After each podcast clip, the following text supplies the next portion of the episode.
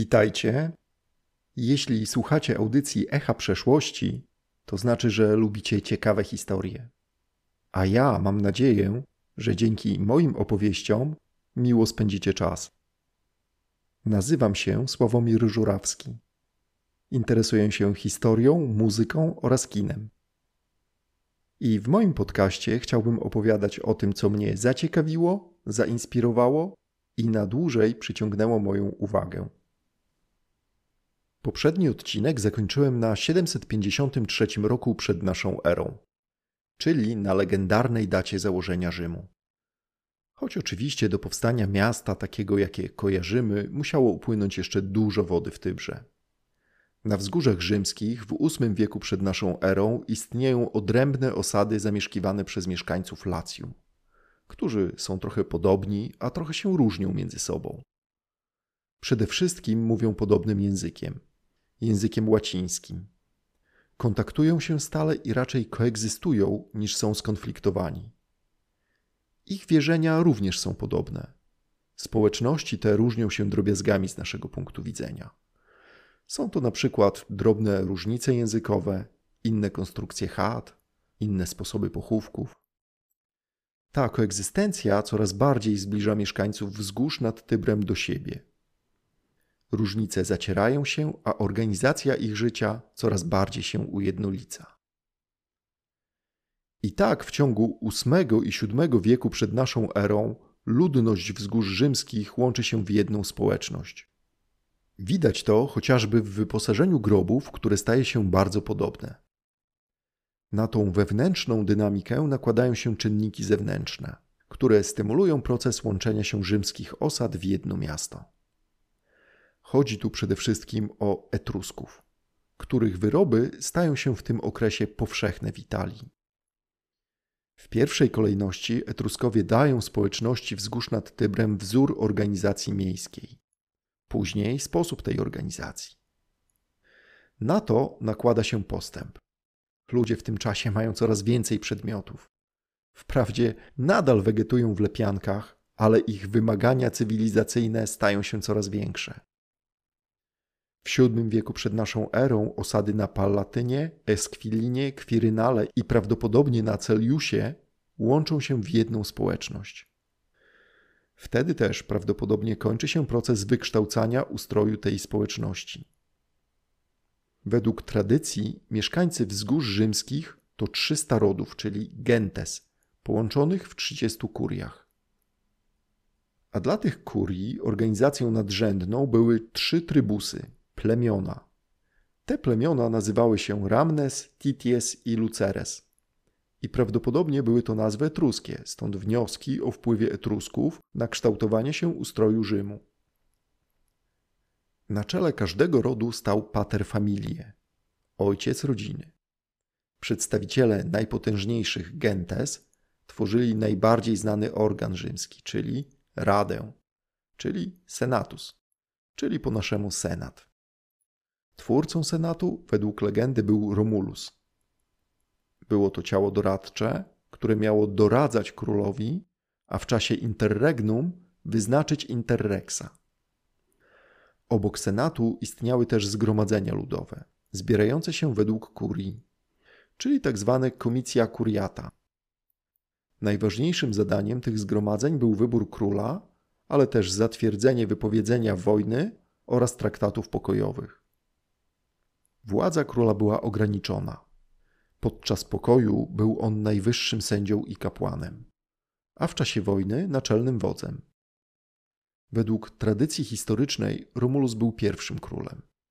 Po nim panowało sześciu kolejnych o jakże antycznych imionach. Numa Pompiliusz, Tullus Hostiliusz, Ancus Marciusz, Tarquiniusz Stary, Serviusz Tulliusz i Tarquiniusz Pyszny.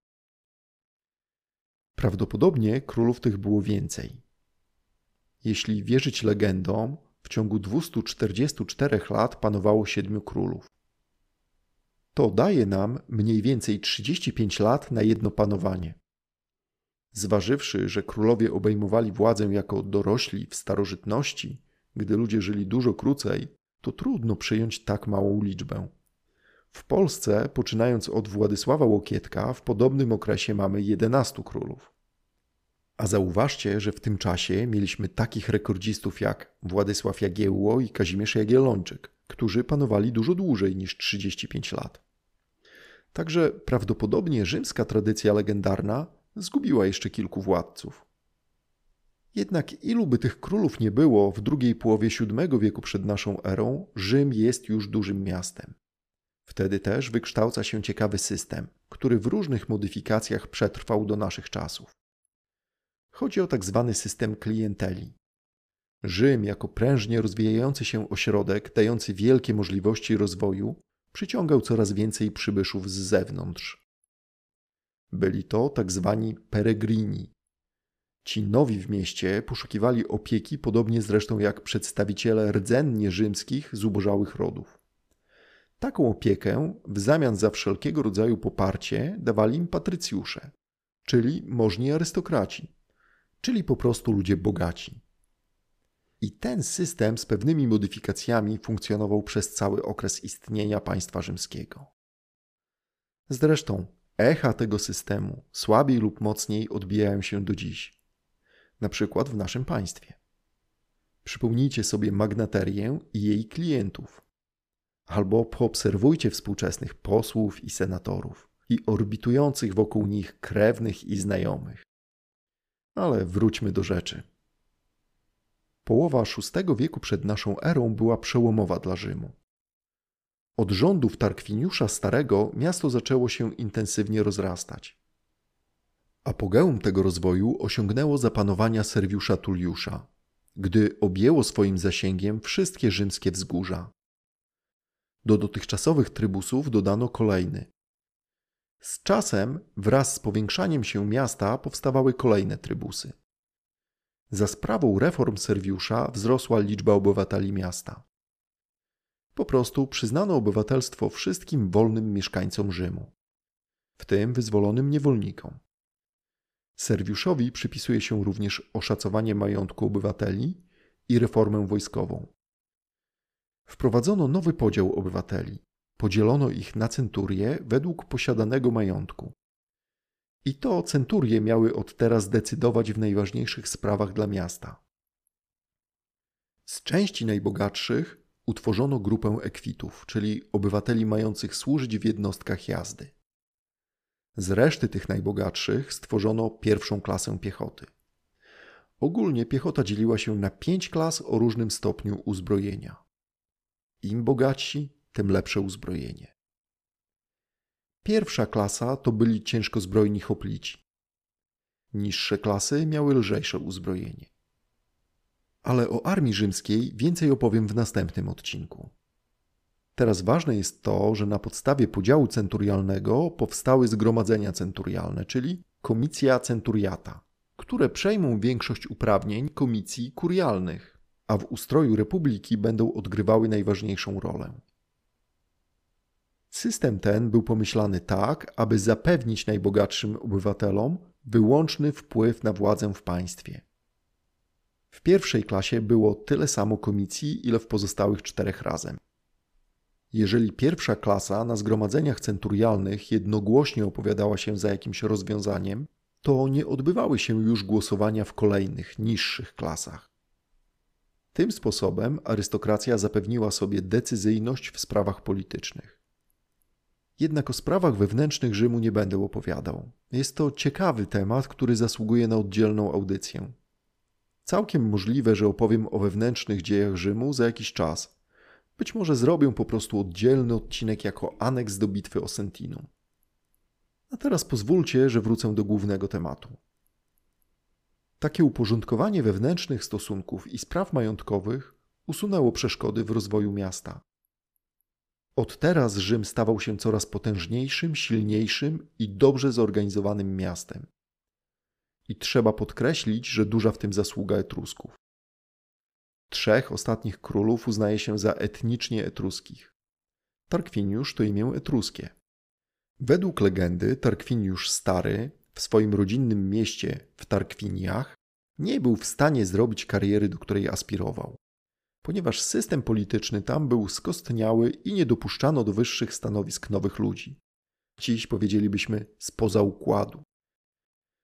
Za namową żony, Tanakwil, Tarkwiniusz zdecydował się przenieść do Rzymu, w którym możliwości kariery były dużo większe. No i opłaciło mu się słuchać żony, skoro osiągnął najwyższe możliwe stanowisko. Możliwe też, że wpływy etruskie narzucano siłą, ponieważ w tym czasie Etruskowie mieli decydujący wpływ we wszystkich miastach Lacjum. Choć bardziej prawdopodobne, że Rzym i Lacjum przyjęły te etruskie wpływy jako jedyny znany wzorzec, ponieważ historycy i archeologowie znajdują dużo podobieństw, jeśli chodzi o początki miast etruskich i Rzymu. Jakby jednak nie było, możemy uznać, że za czasów królewskich Rzym stał się kolejnym kandydatem do przejęcia hegemonii w Italii. Obok Etrusków, którzy od północy rozciągali swoje wpływy, podobnie jak Grecy od południa i Fenicjanie od południa i zachodu. Choć na pewno nie można było mieć jeszcze przekonania, że to Rzym okaże się zwycięzcą w tej rywalizacji. A jednak Pomału Rzym zaczyna przerastać bogactwem i wpływami okoliczne miasta.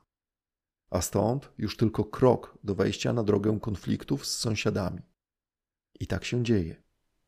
Już trzeci król rzymski, Tullus Hostilius, przeszedł do tradycji jako wielki wojownik. Miał on zdobyć i zburzyć sąsiednie miasto Alba Longa, a jego ludność przesiedlić do Rzymu. Zresztą każdy z tych legendarnych królów oprócz Serwiusza dał się zapamiętać jako wielki wojownik.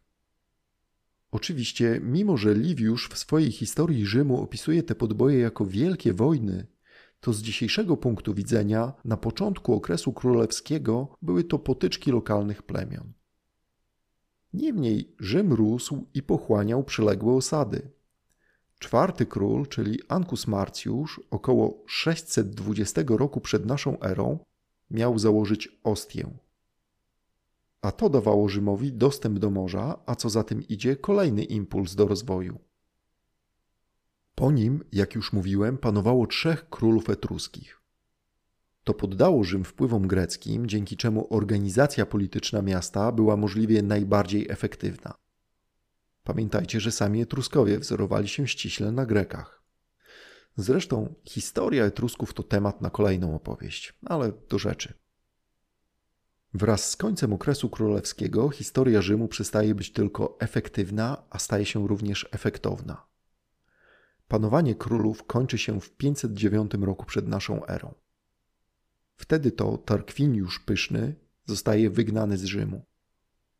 Legenda głosi, że stało się to na skutek postępku jego syna Sextusa. Miał on zgwałcić Lukrecję, żonę jednego z patrycjuszy rzymskich, Tarkwiniusza Colatinusa. Oburzeni arystokraci zawiązali spisek przeciw królowi pod przewodnictwem Lucjusza Juniusza Brutusa. Nie mylcie tego Brutusa z Markiem Juniuszem Brutusem, zabójcą Cezara. Spiskowcy wygnali Tarkwiniusza Pysznego, a na jego miejsce wprowadzili stanowisko dwóch konsulów. Jednym z nich został Brutus. I tutaj mała dygresja. Ten drugi Brutus, zabójca Cezara, niejako wszedł w buty swojego przodka. Panowie byli spokrewnieni. Obaj pochodzili z rodu Juniuszów. I dlatego tak chętnie spiskowcy przeciw Cezarowi gromadzili się wokół Brutusa wierząc, że jego przeznaczeniem jest usunąć tyrana, tak jak zrobił to pierwszy Brutus. Jeżeli oglądaliście serial Rzym, to pada tam kilka razy taka kwestia, że rolą Brutusa jest zniszczyć zapędy Cezara i pójść w ślady swojego przodka. Ale to miało zdarzyć się za ponad 400 lat. Wróćmy do opowieści. Pomimo, że po obaleniu królów Rzym był liczącym się miastem w Lacjum, nie możemy go jeszcze uważać za hegemona. W niczym mu nie ustępowały takie miasta jak Ardea, Lavinium, a zwłaszcza Tusculum. Tusculum było nawet bardziej wpływowe. Przewodniczyło Związkowi Latyńskiemu. A Związek Latyński to była organizacja polityczno-religijna zrzeszająca kilkadziesiąt plemion zamieszkujących Lacjum. Jednak wydaje się, że to Rzym był najlepiej zorganizowanym miastem w tamtym okresie. Stanowisko konsula skupiało pełnię władzy królewskiej z wyjątkiem funkcji religijnych. Możecie się zastanawiać, po co stworzono dwa równorzędne urzędy. Otóż chodziło o to, aby nikt nie objął pełni władzy podobnej do królewskiej, aby ograniczyć ewentualne monarsze zapędy jednostek. Choć i tak, jak pokazała historia, nie dało się tego uniknąć. Dwóch konsulów musiało się dzielić władzą, brać pod uwagę wzajemne zdanie, iść na ustępstwa i współpracować. Ale też był to efektywniejszy system. Rodził zdrową rywalizację i zmuszał konsulów do współpracy z senatem oraz ludem rzymskim. W tym okresie konsulowie starali się nie wchodzić sobie w drogę, raczej współpracować niż przeszkadzać sobie nawzajem. Kolektywne zarządzanie dawało przewagę nad jednostkowym. Konsulowie wraz z Senatem mieli statystycznie większą szansę na podejmowanie lepszych decyzji niż jednostka sprawująca wyłączną władzę. No i bardzo szybko mieli okazję to udowodnić jako przywódcy wojskowi. W pierwszej kolejności Rzym musiał pozbyć się Tarkwiniuszy na dobre, a to nie było takie proste. Tarkwiniusz Pyszny zapewnił sobie pomoc, a jakże, miast etruskich, Tarkwinii i Wejów i spróbował odzyskać władzę. Rzym natomiast stał się przykładem dla innych miast latyńskich, ponieważ te również znajdowały się pod wpływem Etrusków. I w przymierzu z Rzymem chciały zrzucić tę zależność. I w ten sposób Etruskowie stracili swoje wpływy w całym Lacjum. Rzym wtedy liczył około 30 tysięcy mieszkańców i był liczącym się, choć jak mówiłem, nie najbardziej wpływowym miastem Lacjum. Po zażegnaniu zagrożenia etruskiego Rzym rozpoczął walkę o przewodnictwo w Związku Latyńskim. Jeśli kojarzycie powiedzenie dziel i rządź, divide et impera, to jego geneza bierze się z tego okresu. Wtedy to Rzymianie nauczyli się i zaczęli doprowadzać do perfekcji politykę zawierania chwilowych sojuszy, odwracania ich i porzucania swoich sojuszników. Ktoś może powiedzieć, że to cynizm i wiarołomstwo, ale równie dobrze można to określić mianem skutecznej i dalekowzrocznej polityki. Gdy tylko minęło zagrożenie etruskie, Rzymianie zwrócili się przeciw swoim sprzymierzeńcom z Lacją. W 496 roku przed naszą erą doszło do bitwy nad jeziorem Regillus, prawdopodobnie nierozstrzygniętej i prawdopodobnie to Rzymianie byli agresorami. Jednak już trzy lata później Rzymianom udało się zmienić organizację Związku Latyńskiego tak, że wszyscy członkowie byli równi, ale ze wskazaniem na Rzym, czyli niektórzy równiejsi. Stało się tak dlatego, że plemiona osiadłe na terenach przyległych do Lacjum, zachęcone wewnętrznymi zatargami społeczności latyńskich, zaczęły nękać te społeczności napadami. Rzym, w przeciwieństwie do innych miast latyńskich, nie był zagrożony i wyzyskał swoją przewagę tak, aby narzucić korzystne dla siebie warunki porozumienia. Zawarto traktat o wspólnej obronie. I powoli, krok po kroku, Rzym zdobył to, czego pragnął pierwszeństwo w Związku Latyńskim. W toku walk z plemionami otaczającymi miasta latyńskie wykształcił się ciekawy system.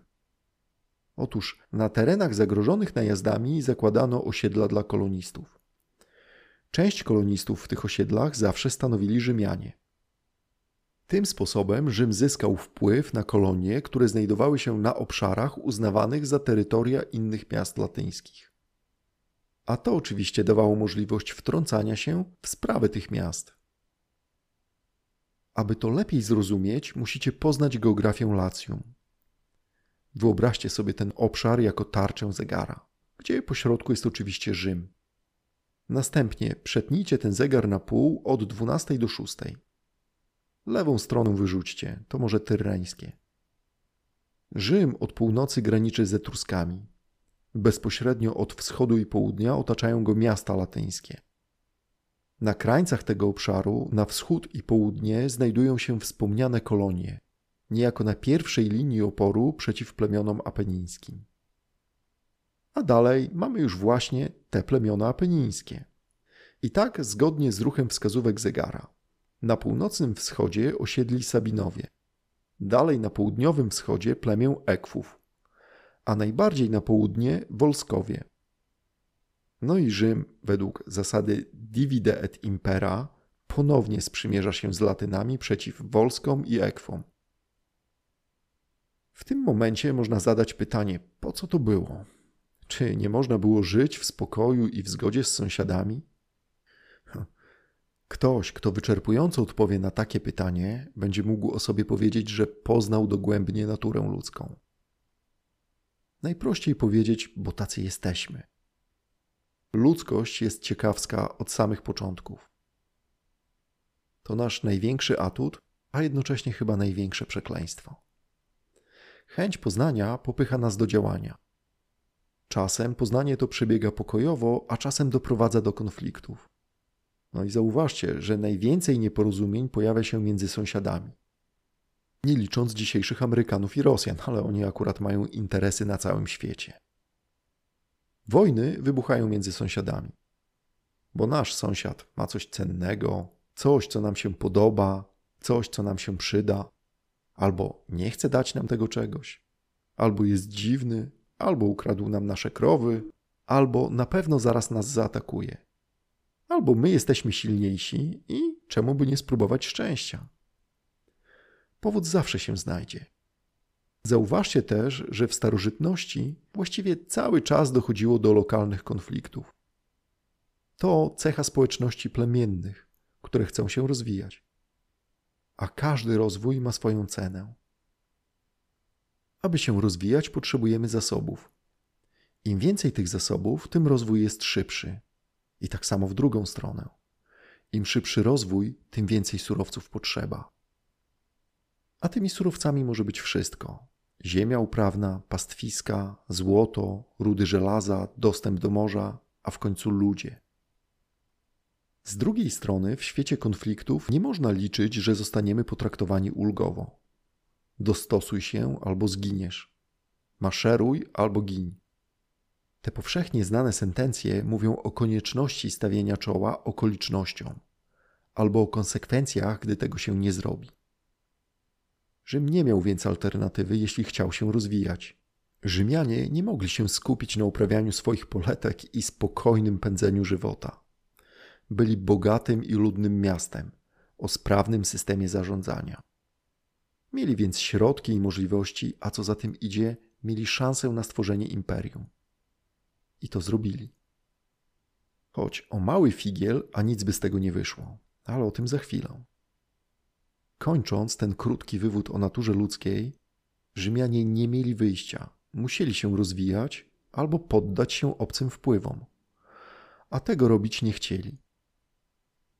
Po wygnaniu Tarkwiniuszy i podporządkowaniu Związku Latyńskiego kolejnym celem stały się plemiona Ekwów i Wolsków.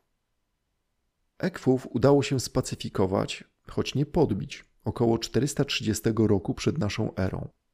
Podobnie Wolsków. 30 lat później. Zauważcie, jak długo trwały te starcia. Oba plemiona były bardzo zacięte, ale Rzym i Lacjum bardziej wytrwali. W ciągu V wieku przed naszą erą rzymski system sprawowania władzy sprawdził się, okrzepł i został usprawniony. A sam Rzym sukcesywnie umacniał swoją kontrolę nad Związkiem Latyńskim co akurat nie odpowiadało Latynom i prowadziło do kolejnych napięć. Jednak jak na razie zasada dziel i rządź sprawdzała się na tyle, że Rzym mógł skupić swoją uwagę na północy. A tam chciałoby się powiedzieć, że Etruskowie czekali na Rzymian, aby rozprawić się z nimi. Ale nie. O ile tuż po wygnaniu Tarkwiniuszy Etruskowie próbowali na różne sposoby osłabić Rzym, i jeszcze wtedy mieli szansę, aby tego dokonać, to przez brak współpracy ze sobą nie zdołali wyzyskać swojej przewagi. Około 400 roku przed naszą erą stosunek sił wyglądał odmiennie. Po zażegnaniu zagrożenia od Ekwów i Wolsków, Rzym mógł skupić się na Etruskach, którzy byli dlań bezpośrednim zagrożeniem. I w 396 roku przed naszą erą Rzymianie zdobyli etruskie miasto Weje, graniczące z nimi od północy. Miasto splądrowano i zniszczono. Rzymianie zawładnęli żyznym obszarem i podwoili swoje terytorium. W tym momencie wydawało się, że nic już nie powstrzyma ich przed zdobyciem pełnej hegemonii w Italii. Jednak właśnie wtedy dzieje Rzymu nieomal zamknęły się raz na zawsze. Poza Italią również rozwijały się różne społeczności. Jedna z bardziej wojowniczych z obszarów nad Górnym Dunajem zawędrowała nad Ren, Rodan i Sekwanę. Na tym terenie wykształciła się kultura, którą zwykliśmy nazywać celtycką. I około 500 roku przed naszą erą plemiona celtyckie z północy nawiązały na początku przyjazne kontakty z grecką kolonią Massilią. Jeżeli ta nazwa wam coś mówi, to tak, to dzisiejsza Marsylia. Ale nawiązały też przyjazne relacje z miastami etruskimi.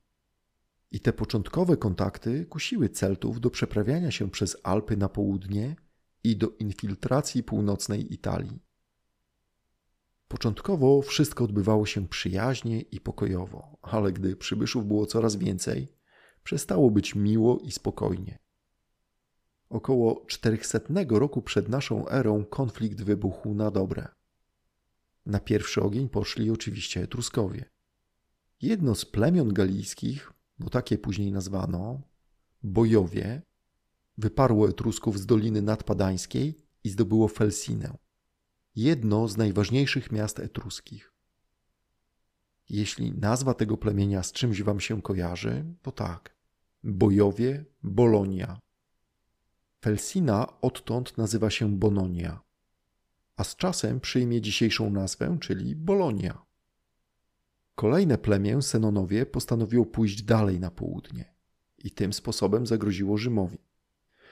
W 390 roku przed naszą erą Rzymianie stawili im opór w bitwie nad rzeką Alią. I była to całkowita klęska Rzymian. Galowie nie tylko rozbili wojska rzymskie, ale też zajęli miasto.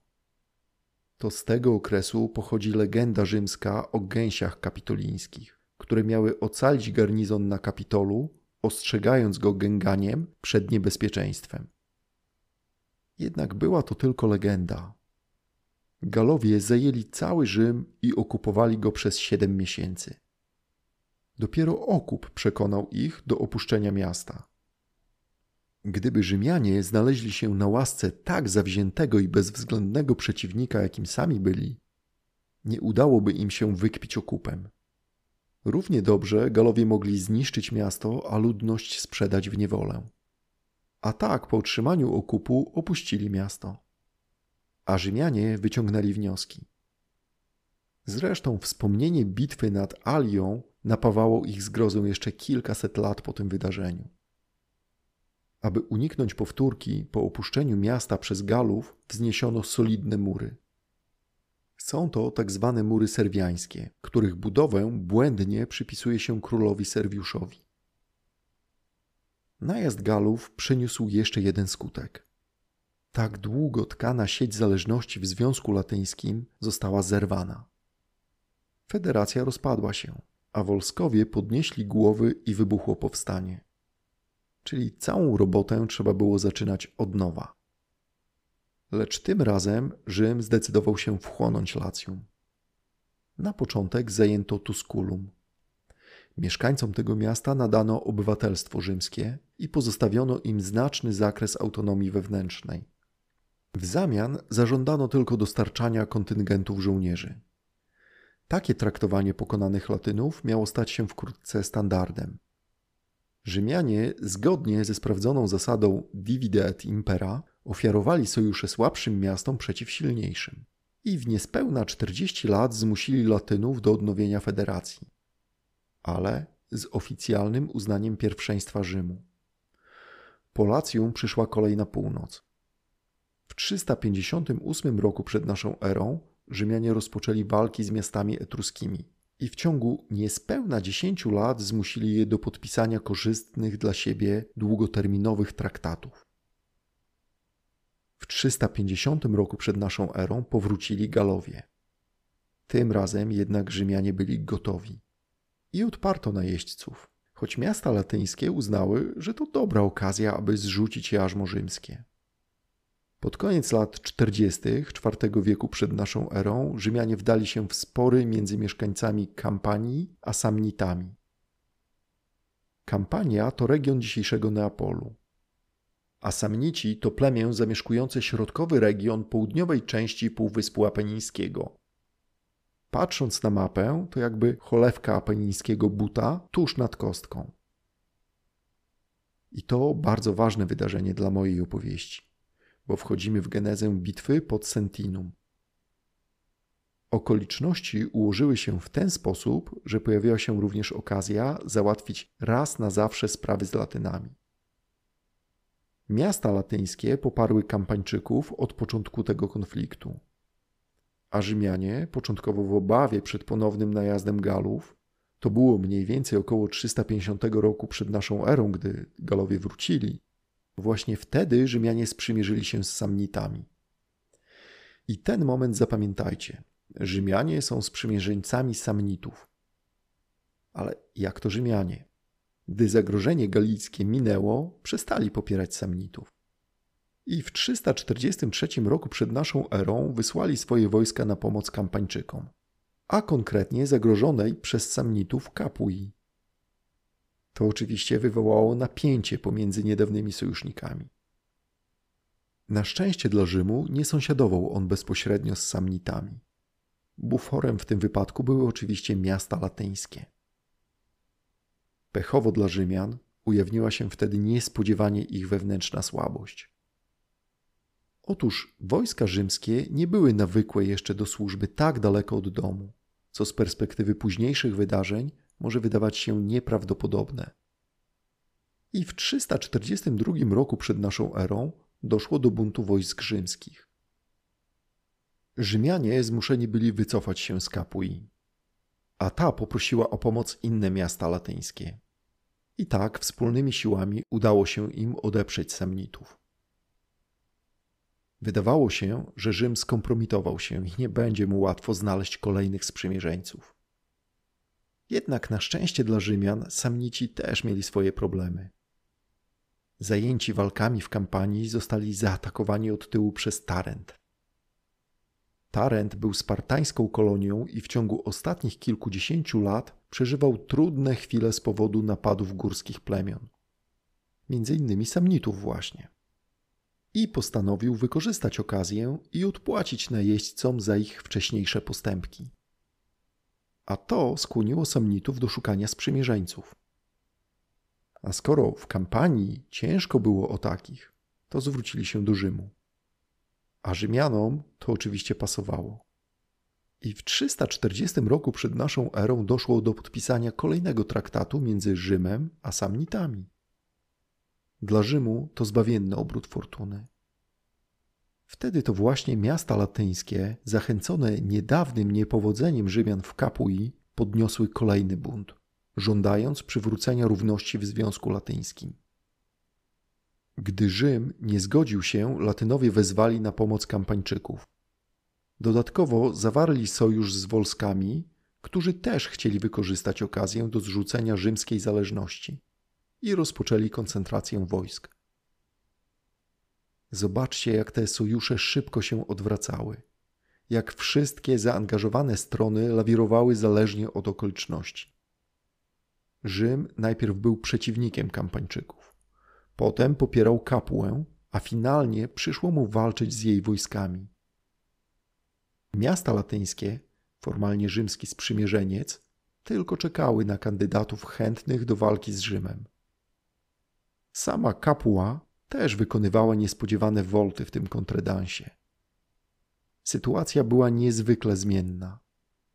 Jednak to właśnie Rzymianie byli już wtedy mistrzami w rywalizacji o najbardziej pragmatyczne podejście do polityki międzynarodowej.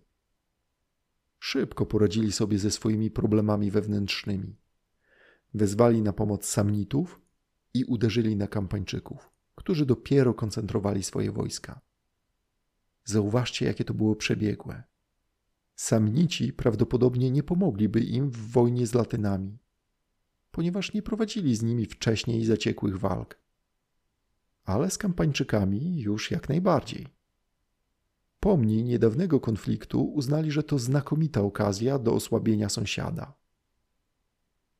Rzymianie ruszyli na południe poprzez posiadłości Ekwów i połączyli się z Samnitami.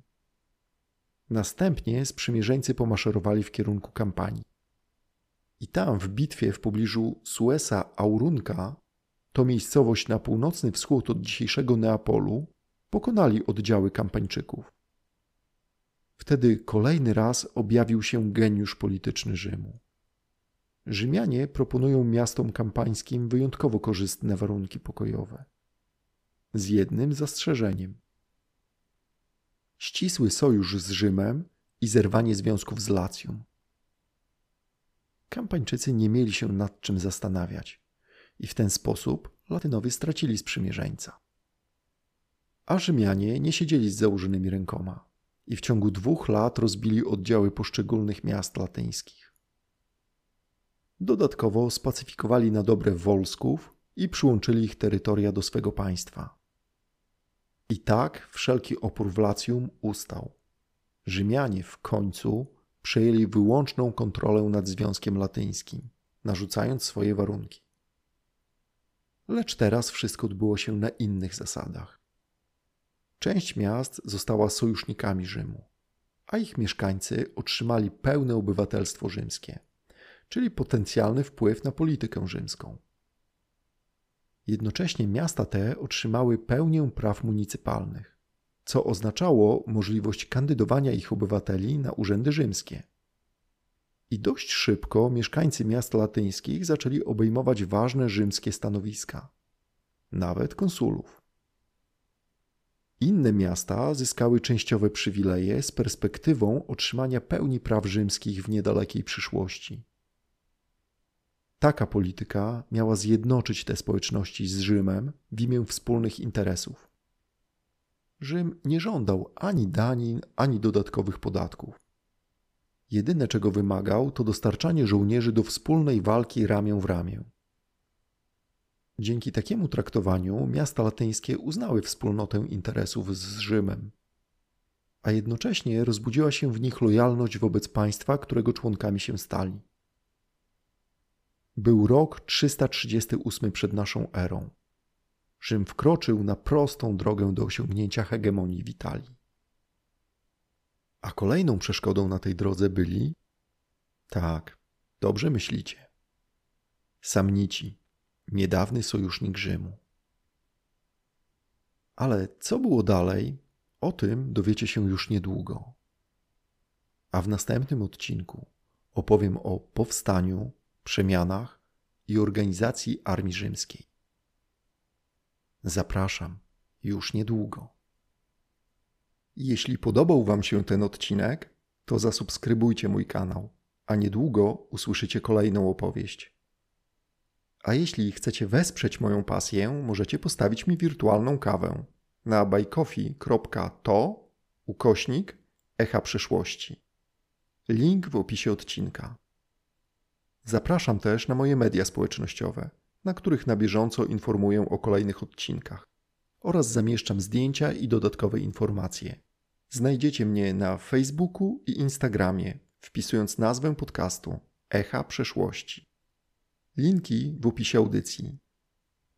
Dziękuję za uwagę i do usłyszenia już niedługo.